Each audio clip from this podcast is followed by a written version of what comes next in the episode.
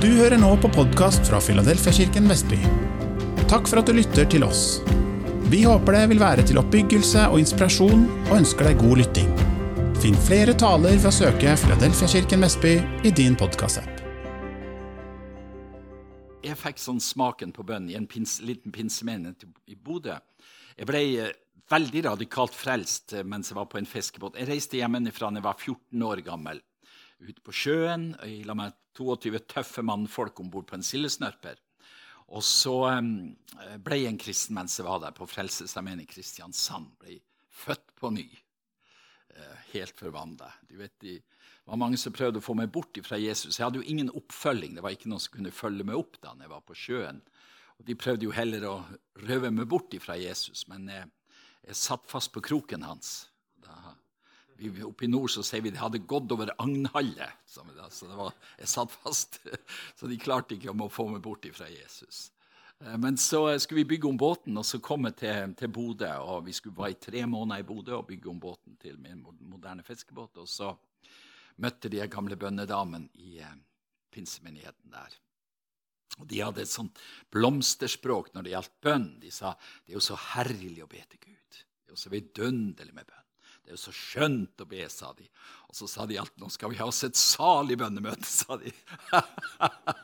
og så fikk, Jeg var 16 år gammel, og så fikk jeg være med på salige bønnemøter vet du, i lag med de gamle damene. De, de, var helt forunderlige. Talte i tunga og priste Gud. Og noen hadde sånne favorittuttrykk. De, de sa, ei som sa 'Glory Sabachthani', ropte hun hele tida. Og så, og så Jeg vet, om jeg vet ikke om hun visste hva glory betydde. Og så vet du, Pinsevennene i den tida, de, når de ba der oppe i nord, så snakker de østlending. Da, gikk de over til, til østlending. Og, og det, det, var så merkelig, for alle predikantene kom jo sørfra. Og da tenkte jeg hvis du skulle være virkelig åndelig, så måtte du snakke sånn som de her. Så, så sånn var det. Men iallfall så var det altså så utrolig fascinerende og der opplevde jeg, i et sånt bønnemøte utenfor Bodø, så, så, opplevde jeg at, at, Gud kalte meg til å bli evangelist. Eh, Gud hadde jobba med meg før det, men da så jeg et syn som var veldig sånn rystende. Jeg så masse mennesker som rasa utfor et stup. og... Og der sto en person oppe på kanten og tok tak i de menneskene, prøvde å berge de. Og, og, Gud sa til meg, 'Håkon, der er din plass. Du skal berge de som er på vei mot fortapelsen.' Og jeg var jo ikke villig. Jeg, altså min, hele min drøm fra jeg var liten gutt, var å bli fisker. Ha min egen fiskebåt og være på havet. Jeg var helt gal å fiske når jeg var unge, helt fra jeg var veldig små. da. Og så eh, var jo problemet fødselsmerket som jeg har midt i ansiktet. Og jeg sa det, Gud, det går ikke an. Jeg kan ikke stå foran folk. Det er jo greit at torsken ser meg, men la ikke folk se meg. Sånn, sånn argumenterte jeg. Men Gud presser på. Og, og, hvis det er noen som virkelig er dreven ut, så må det være jeg. Jeg hadde ikke kjangs. Jeg, jeg, prøvde å rømme under Guds kall og tok meg jobb på Sætre kjeksfabrikk i Oslo en høst der og kjempa med kallet noe så voldsomt. Og så lå jeg på kne ut på eh, Høybråten en, en, en, kveld og sa Gud, nå overgi meg. Jeg klarer ikke mer. Jeg kan ikke ha det sånn. Så eh, åpna det seg vei at jeg kunne begynne å reise som evangelister. Så sånn kom jeg i gang. Og så eh, har jo bønn betydd mye helt siden jeg, var, jeg møtte de her bønnedamene i Bodø. Så når jeg skulle gå på bibelskole, så skrev jeg rundt til mange bibelskoler i Norge og spurte hvor mye bønn er det på bibelskolen. Og så fikk jeg beste svaret fra Ansgarskolen i Oslo. Ingulf Diesen var rektor. og Der var det bønnetime på morgenen, det var midttime med bønn, og så var det kveldsbønnemøte hver kveld. da. Og eh, så møtte jeg et veldig sterkt bønnemiljø også der, som eh, betydde mye for meg. Og så hadde det jo blitt sånn at man har hatt veldig tro på bønn opp igjennom. Så um, nå i, i, år så er det 20 år siden jeg starta bønnesenteret på Levanger. Jeg kjøpte et lite hotell på Levanger, som Bed and Breakfast Hotel heter det da. Uh, som jeg kjøpte, og så starta vi uh, bønnesenter der. Og så har vi bygd det ut og bygd et konferansesenter i tillegg. da, som så det har vært mye folk som har kommet, og mange tusen i løpet av året som har kommet til Levanger. Og et sterkt bønnemiljø, et levende bønnemiljø. Du vet at når jeg starta bønnesenteret, så var jeg så enormt gira, så jeg skrev i bladet vårt at her skal vi ha 24 timers bønn syv dager i uka. Og så var vi en tre-fire stykker som skulle få det her til. Og da vet du, Vi holdt på å knekke nakken. Vi var så sliten etter hvert. Og så var det Gud stoppa meg og så sa han, Håkon, hva, hva, er det du tenker på? Jeg, ønsker, jeg, har, jeg, er ikke interessert i bønnekalenderen din, at du klarer å fylle en kalender med så mye bønnetid. Men det jeg, sa Gud til meg, det er at det skal være liv i det du holder på med, og at det skal være slitesterkt over mange år. Og så har vi opplevd at det har vært slitesterkt. Vi hadde et salig bønnemøte i morges før jeg for ned over hit. Og jeg har noen veldig engasjerte folk som driver og ber og søker Gud der. Og, og det er så godt det er så vidunderlig. og Mye lovsang. Vi har Anders Garps nå har jo flytta til, til Levanger og er lovsangsleder der, så det er så fint. Han er velsigna gutt. Men så, jeg, jeg tenkte jeg skulle si litt på det om, i kveld, at, at, er at, at, du må tro på din bønn. At din bønn gjør en forskjell. For Jeg møter mange rundt omkring som sier at ja, men min bønn jeg er jo så svak i bønn, og min bønn kan vel ikke gjøre en forskjell. og Det er jo greit når den ber, og den ber, men hva med min bønn? Men vet, vet du hva det står i, eh, i, Salme 102? Så står det at Gud hører den elendiges bønn og lytter til fangenes sukk. Så hvis du lurer på hvor godt Gud hører, så driver han altså og lytter etter fangenes sukk. Han, han, er en Gud som er så opptatt av det her. Eh, som heter bønn, der vi søker Han. Og, og eh, Vi ser det veldig klart i Guds ord at, at derfor er det så viktig å, å flytte tyngdepunktet fra oss og over på Han. Det er han som er kraften i vår bønn, og han er kraften i alt vi holder på med. Og et vers som jeg er så glad i, som jeg har snakka mye om det siste, det er 2. Korinterne 7,3, så står det sånn For vel går vi fram på menneskelig vis, men vi kjemper ikke med menneskelige våpen. For våre våpen er ikke fra mennesker, men de har sin kraft fra Gud og kan legge festninger i grus. Vi river ned tankebygninger og alt stort og stolt som reiser seg mot kunnskapen om Gud, og vi tar hver tanke til fange under lydigheten imot Kristus. Er ikke det et utrolig sterkt avsnitt?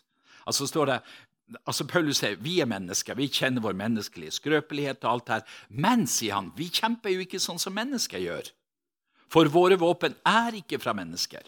Ditt bønnevåpen er ikke et menneskelig våpen. Det er ikke du som har funnet på bønn. Uansett hvilken folkegruppe eller stamme i de innerste urskogene det går til, så driver de og ber. De ber til et eller annet. Kanskje ber de til sol og måne. Men det er noe som ligger i oss, og som Gud har lagt der. Denne bønnemotoren den er lagt i oss mennesker. Og Derfor er det ikke fra mennesket når vi ber, men det har sin kraft fra Gud og kan legge festninger i grus, rive ned tankebygninger. Hør på det. Det har jeg bedt mye for Putin det siste, at gudene skal rive ned noen tankebygninger i hodet hans nå. i denne tida her. Og Vi kan være med å, forandre situasjoner ved at vi ber til Gud. Og så sterk er bønnens våpen som er gitt oss.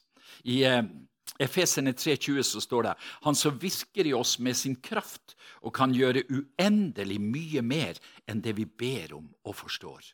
Uendelig mye mer enn det vi ber om og forstår.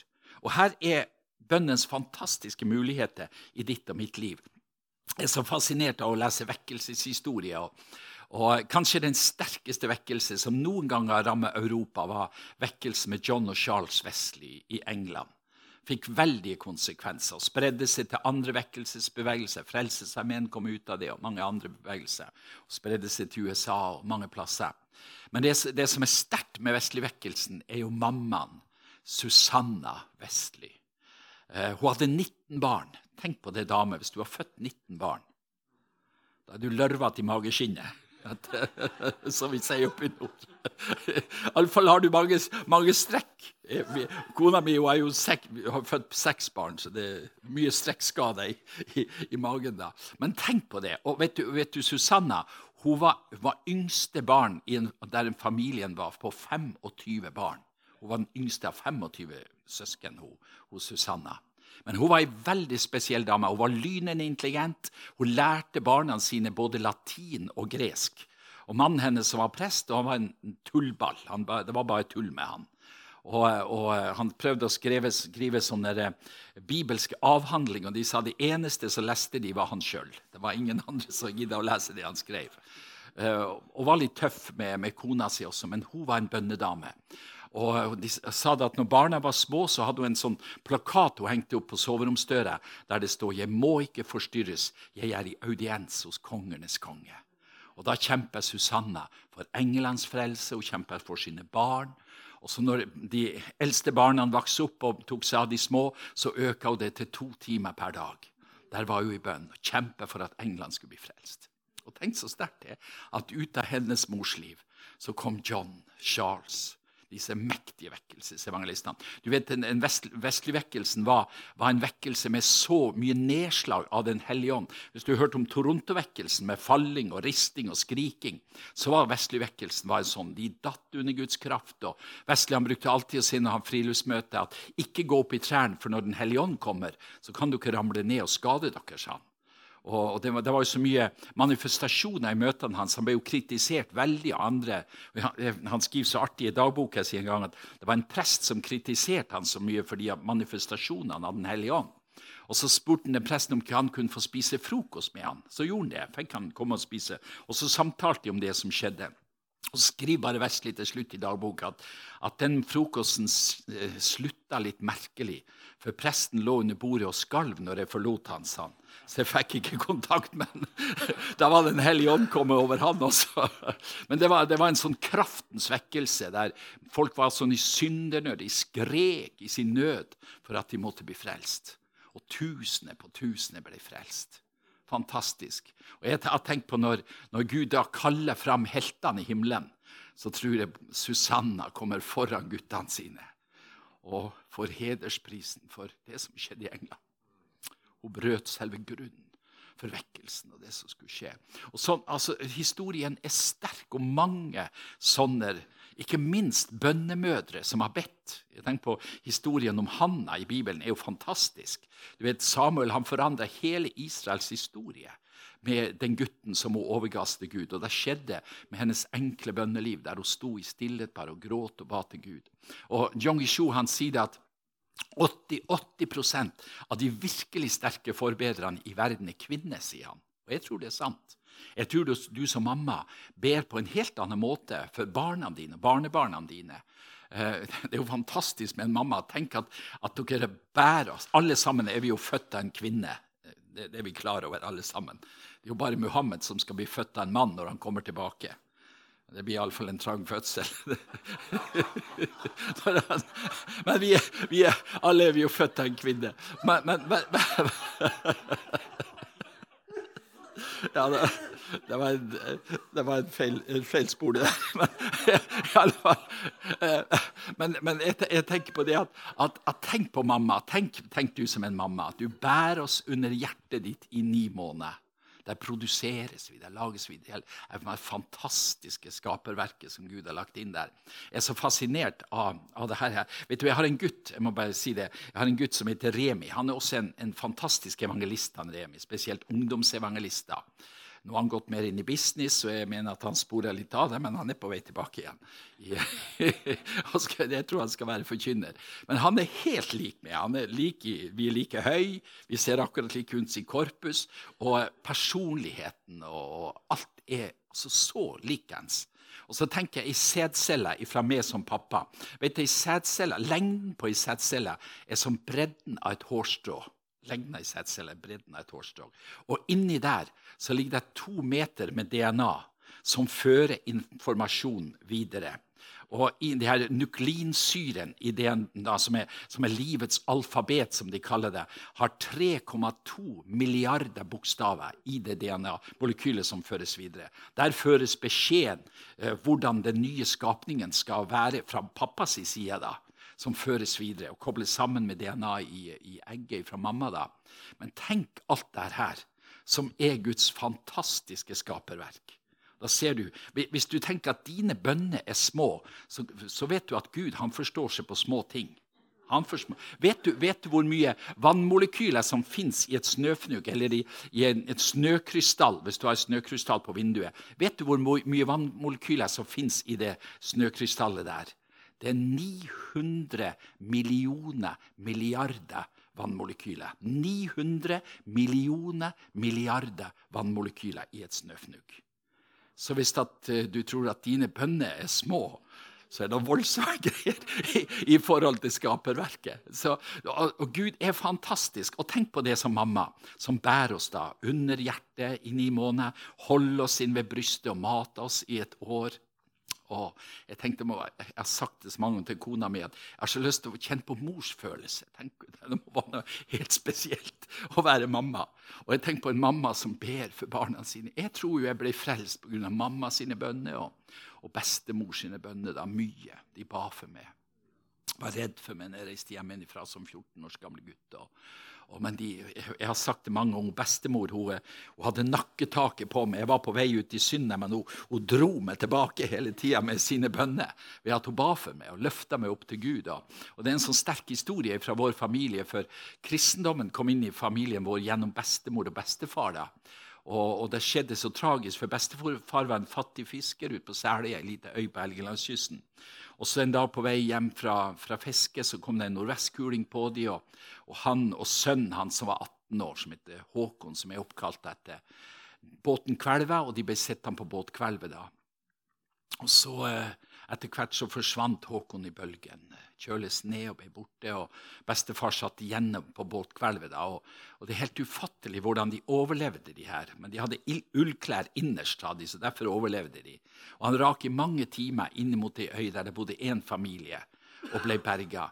Men der på båtkvelvet så hørte Gud den elendige bønn. Og så sa bestefar hvis det blir berga, så skal jeg bli en kristen. og skal jeg gi mitt liv til Gud. Og Så kom han opp til Lofoten. Der var det vekkelse ut på reinet i Lofoten. Og der ble bestefar frelst. Men eh, bestemor hun holdt på å bli gal. De sa hun gikk i fjæra ute på øya der og ropte Håkon utover havet i ukevis etterpå. Og folket sa hun at hun er blitt gal, sa de.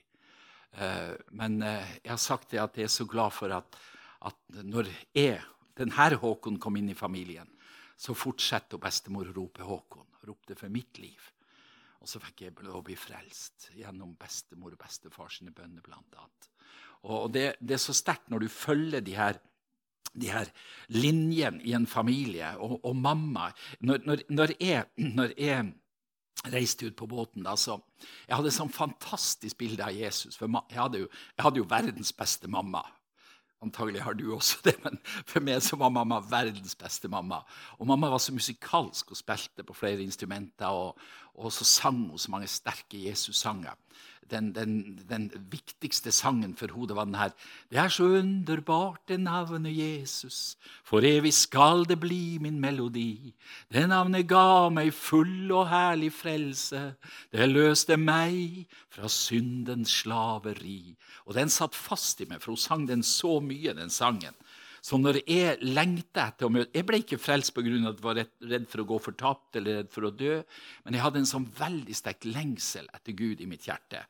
Og det jeg lengta etter, det var mamma sin Jesus. Jeg hadde lyst til å få tak i den, den Jesus som mamma var så begeistra for. Og Så var det han jeg fikk lov å møte ved botsbenken på Frelsemenn i Kristiansand. Men jeg var omsluttet med bønn, og jeg, jeg tror at jeg ble frelst på grunn av bønn og mamma sine bønner og bestemor sine bønner. Så det er kraft i din bønn, og du kan være med og forandre ting gjennom bønn. Og Jeg har fått lov å sette hvordan enkle mennesker sine bønner har forandret situasjoner. Eh, jeg fikk lov å stå i en veldig sterk vekkelse i, i Karasjok oppe i Finnmark i 88 og 89. Eh, da var det gått en selvmordsbølge over Karasjok. I løpet av noen år da, så var det 70 mennesker som hadde tatt sitt eget liv i Karasjok. Og Den siste perioden der var det tolv unge mennesker som tok sitt eget liv. og var Oppslaget i de største avisene i Norge. Og så er det pinsepastoren som ringer meg og sier at kan du komme oppover? Jeg reiste rundt med et ungdomsteam. Jeg hadde ti ungdommer med meg. Og så var det helse- og sosialsjefen som hadde kommet og sagt at nå må de kristne komme og hjelpe oss. Og så ringte pastoren fra pinsemenigheten og sa kan du komme opp og ha en kampanje i, i Karasjok. Og så kom vi opp der, og så var det beinetungt. Det var bare mørkt, det var depressivt, det var stengt. Og vi gjorde alt vi kunne. Fikk masse skoletimer, var på diskoteket og puben ute på gata. og Gjorde alt for å evangelisere, og ingenting nytta. Men så var det tre, tre enkle mennesker i menigheten der. Hjalmar, Siri og Amund. De hadde en sånn nød for Karasjok. De lå og gråt ved, ved benken. Jeg var oppe klokka seks om morgenen, ba alltid klokka seks på morgenen til Gud og sa Gud, hvis ikke du kommer til Karasjok, så har vi ikke lyst til å leve lenger. Vi ser hvordan de beste ungdommene tar sitt eget liv. Du må komme. Og kom til Karasjok. Og Så ble vi en del av det bønnemiljøet, og så bestemte vi oss for vi skulle gå inn i faste og bønn. Og, og faste og be en tid. Og Så gjorde vi det. Og så hadde jeg en sånn, en sånn bønnedame som har bedt for meg i mange år som evangelist. Bodde i nærheten av Trondheim, som kom fra Karasjok. Så ringer hun meg hen lørdagsmorgen og så sier hun, nå kommer vekkelsen over Karasjok. sier hun. Ja, Men så sier Kirsten Anna du vet ikke hvor tungt det er. Det er bare tungt og mørkt og stengt der. Det er ikke noe gjennombrudd. Ja, men i kveld, sa hun, skal du se, da, da løsna det. For jeg har vært ute, Hun hadde en sånn hund hun for og gikk med når hun ba. Så En sånn bønnehund. Det er lurt å en bønnehund når du ber. Så kan, kan dra det litt inn i bønn. Men hun hadde, hun hadde en ikke-kristen mann, så når hun skulle ut og be, så sa hun jeg må ut og lufte hund. Er ikke det lurt? Og så har hun vært i skogen, og så har Gud åpenbart for henne. Nå kommer vekkelsen til Karasjok. Så i kveld sa hun, kommer den første bølga, og så kommer det flere bølger sa hun, av vekkelse. Og Jeg var så skeptisk, for det var bare tungt.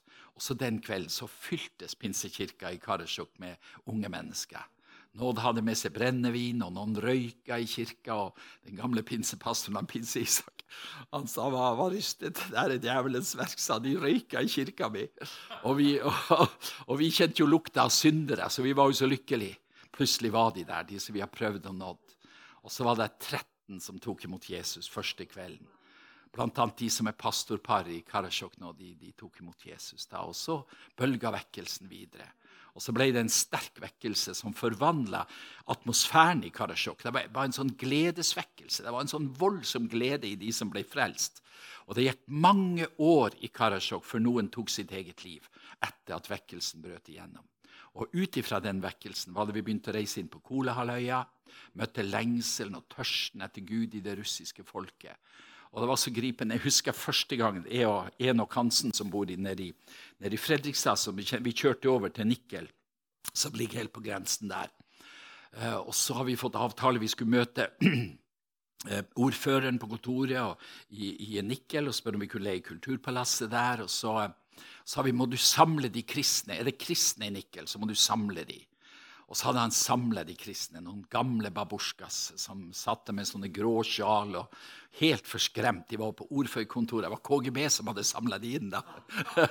så der satt de. og så husker jeg vi kom inn der, og så, og så uh, pratet vi med ordføreren litt, og så spurte vi de gamle om de hadde Bibel. Ingen hadde Bibel. De hadde noen blad fra Johannes evangeliet som de hadde sendt rundt mellom seg og lest Guds ord. Og så hadde vi en koffert med Bibelen med oss. Det var så gripende.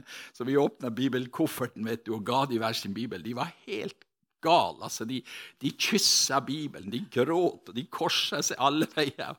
Og ordføreren han var helt vill og sa 'Jeg har aldri tatt i en bibel. Kan jeg få holde en bibel?' sa Ja, sa vi, du, du kan få en bibel. Og han var så imponert over det. da. Og så fikk vi en åpning inn iblant folket der. Og, i, og Jeg husker tolken min, når vi gikk fra det møtet hos ordførerkontoret. Så Soya heter hun, så sa til meg at kan du fortelle meg om Jesus? Jeg lærer på gymnaset, og elevene de spør meg så mye om Jesus. Og jeg vet jo ingenting, sa hun. Kan du fortelle meg om Jesus? Og Så fortalte jeg enkelt sånn søndagsskolemateriell til Soya. Og så neste morgen så møttes vi på hotellet og spiste frokost. Og så sier Soya noe så veldig fint. Hun sa at i natt har jeg ikke sovet, sa hun. Jeg har bare tenkt på Jesus hele natta. Du må fortelle mer. Så fortalte jeg mer. Og Så begynte hun å hikste gråte og sprang ut på toalettet. at det var så, Unnskyld meg at hun var så følsom. Men da så inn i en sånn lengsel som lå i det russiske folket til Gud. Jeg husker jeg spurte en gammel mann Hvorfor er det sånn åpenhet? Etter 70 år med ateisme og kommunisme, hvorfor er det sånn? Så sa han det veldig fint. Han sa det skal mer enn 70 år for å fjerne Gud fra det russiske hjertet, sa han. Det er fint sagt. Og jeg føler de her, de her årene virket i Østsø før vi har seila på en sånn, sånn bølge av gudslengsel som vi har møtt i det slaviske folket, som er så fantastisk. Og så gjør at hjertet ditt dras mye der. Jeg har vært masse i Ukraina. masse. Og jeg er så glad i det ukrainske folk. Derfor er jeg så veldig sterkt berørt nå. De som er ledere for arbeidet vårt eh, i, i Smerinka i, i uh, Ukraina, de uh, har to gutter i krigen. og, og Lena, som heter mammaen, hun, hun, ringte meg akkurat når vi dro på møte her, og hadde hun hørt fra gutten sin som er i Mariupol. Han er sersjant for ti unge gutter. Han er 19 år sjøl. Og, så har jeg vært så engstelig før. Han har ikke hørt ifra han på 30 timer, sa hun nå i ettermiddag. Og så nå i kveld sa han ringte han var i live. Og noen i kompaniet hans var allerede blitt drept og, og er veldig, veldig Men så sier Markus, som han heter, at følelsen er så beskytta av Gud. Sånn. Det er akkurat så det er noe rundt meg som, som beskytter meg, han sa til mammaen. Og det er masse bønn for han. Mange i menigheten som ber, de går, de går bønnevakt der i, i, menigheten som heter Nådens kilde da, i, i Smerinka. Og vi ber mye på bønnesenteret. Jeg har bedt masse for Markus og Ivan, som de heter. Gud skal beskytte og bevare dem. Og Det er situasjonen som de står i nå der borte. Og det, det er så mye bønn. Og eh, ber for ukrainerne, ber for de russiske unge guttene som blir tvinga ut i krigen også. Det, er forferdelig å tenke på. Og eh, vi må bare engasjere oss enda mer. Og det, det som jeg hadde lyst til å si i kveld, var tenk på det at din bønn gjør en forskjell. Det er noe som skjer når du ber. Ikke tenk på at den der er en sterk forbeder, og der er en sterk forbeder. Men din bønn er viktig. Og det er så interessant I, i Romerbrevet 8 så sier Paulus at så kommer da også Ånden oss til hjelp i vår svakhet. Og, og det liksom, jeg sier Paulus, men du er vel ikke svak? Du er jo den store forbederen som har brukt årevis i fengsel, i bønn. Du har bedt for de her menighetene. Du forteller hvordan du ber natt og dag. Du er vel ikke svak? Og så sier Paulusen her Gud kommer oss til hjelp i vår svakhet, for vi vet ikke hvordan vi skal be for å be rett. Sånn er det jo med oss alle sammen. Hvordan skal vi be inn i situasjonen? Hvordan skal vi be inn i konflikten nå i, i, i mellom Russland og Ukraina? Hvordan skal vi be? Og vi vet jo ikke det, hvordan vi skal be mange ganger. Men så står det så sterkt at Ånden kommer oss til hjelp i vår svakhet. Og så står det ikke bare at Ånden kommer oss til hjelp, men det står at Ånden selv går i forbønn for oss med, ord som, med, med, med sukk som ikke kan uttrykkes i ord. Så Ånden gjør to ting. Den hjelper oss i vårt bønneliv, og så har Ånden sitt eget bønneliv for oss, der den ber kanskje med enda sterkere eh, uttrykk enn der vi kan. Og Derfor så er det så spennende det her med bønn, å være med og uh, håndtere det her mektige redskapet som Gud har gitt oss. Og så vil jeg si helt til slutt her nå, at, før vi ber til Gud, at, at husk at det her med bønn jeg har et vers som jeg leste i morges. Det er så fantastisk, egentlig, fra 5. Mosebok, kapittel 6. Og, og, tenk at det her er fra den gamle pakta også. Så har du det, det samme som har ligget i Guds hjerte. Hør hva det står her i eh, kapittel 6, og eh, fra vers, skal vi se her, fra vers 4 så står det sånn. Hør, Israel. Herren vår Gud, Herren er én. Du skal elske Herren din Gud av hele ditt hjerte, av all din sjel og av all din makt. Hør, Israel, Herren er vår Gud, Herren er én. Du skal elske Herren Gud av hele ditt hjerte, av hele din sjel og av all din makt. Og hvor viktig er det? Hvor, hvor, hvor, sentralt er det i vår gudstro? Jo, Paulus, Paulus står det videre her Disse ordene som jeg pålegger deg i dag, skal du bevare i ditt hjerte. Du skal innprente dem for dine barn. Du skal snakke om dem når du sitter i ditt hus, når du går på veien, når du legger deg, når du står opp du skal binde dem om hånden som et tegn og ha dem på pannen som et merke. Du skal skrive dem på dørstolpene i huset ditt og på portene dine. Så viktig. Hva er det? Og det her åpenbarer for oss det sentrale i hele vår tro.